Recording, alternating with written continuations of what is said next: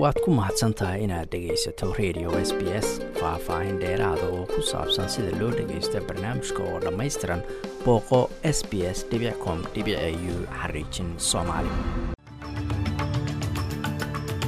galab wanaagsan dhammaantiinba meel kastoo aad joogtaan waa maalin talaadaha bisha julaayna ay tahay afar sannadka labada kun iyo labaatan iyo saddexda. Magacayguna waa xasan jaamaca wararka maantana waxaa ka mida madaxweynaha indonesiya oo dalka australia booqasho ku yimid. Wadahadalna la yeelan doona ra'iisul wasaaraha dalka antony albanisi australia oo khafiifinaysa shuruudaha lagu xiro fiisooyinka ay qaataan ganacsatada dalkaasi indonesiya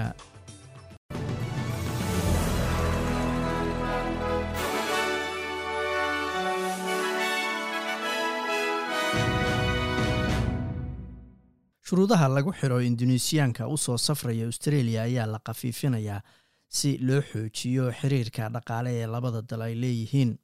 Arrintan ayaa laga soo xigtay wasiiradda arrimaha dibadda ee dalkan australia penny wong.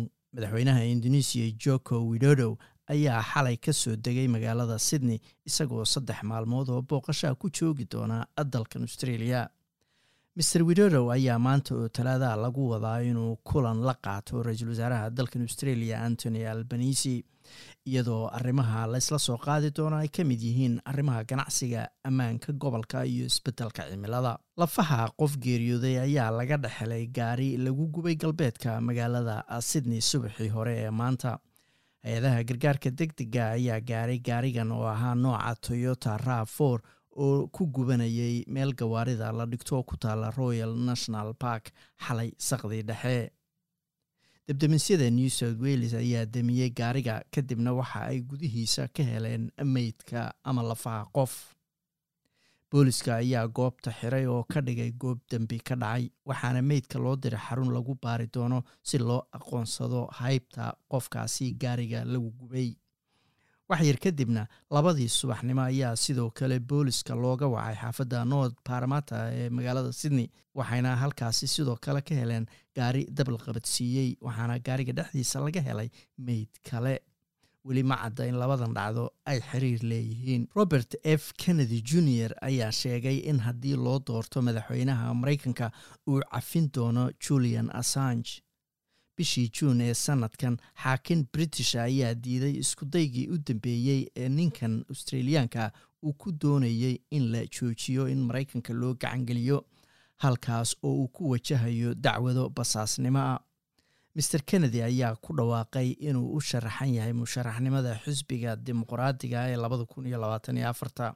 Ninkan aabihiis robert kennedy iyo adeerkiis oo ahaa madaxweynihii hore ee dalkaasi maraykanka john f. Kennedy ayaa labadaba la dilay lixdameeyadii. Safiiradda maraykanka u joogta dalka ruushka lean tracy ayaa loo ogolaaday inay xabsiga ku booqato wariyaha u shaqayn jiray joornaalka wall street journal evan gershevik.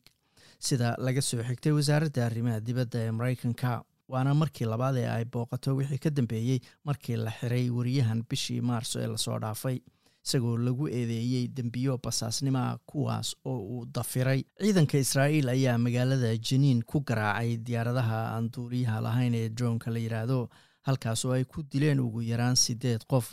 Weerarka israa'iil ku qaaday magaalada ayaa waxaa sidoo kale ka qayb qaadanaya boqolaal askari wasiirka arrimaha dibadda israa'iil eli cowen ayaa sheegay in dalkiisu uusan beegsanayn shacabka falastiiniyiinta ee ay beegsanayaan kooxo mintidiina oo ay iiraan taageerto.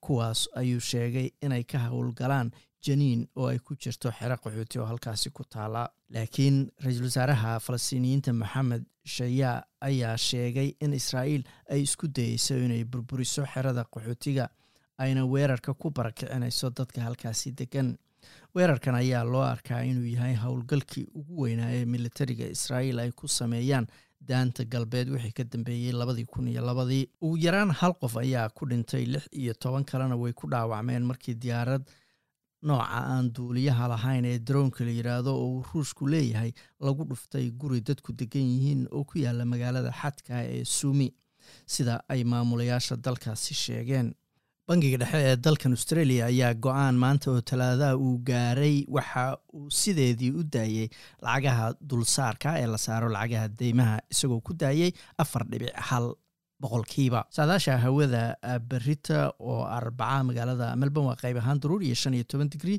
sydneyna inta badan waa cadceed iyo kow iyo labaatan digrii halkii australian dollara maanta waxaa lagu sarrifayay lixdan iyo toddoba senti oo lacagta maraykanka ah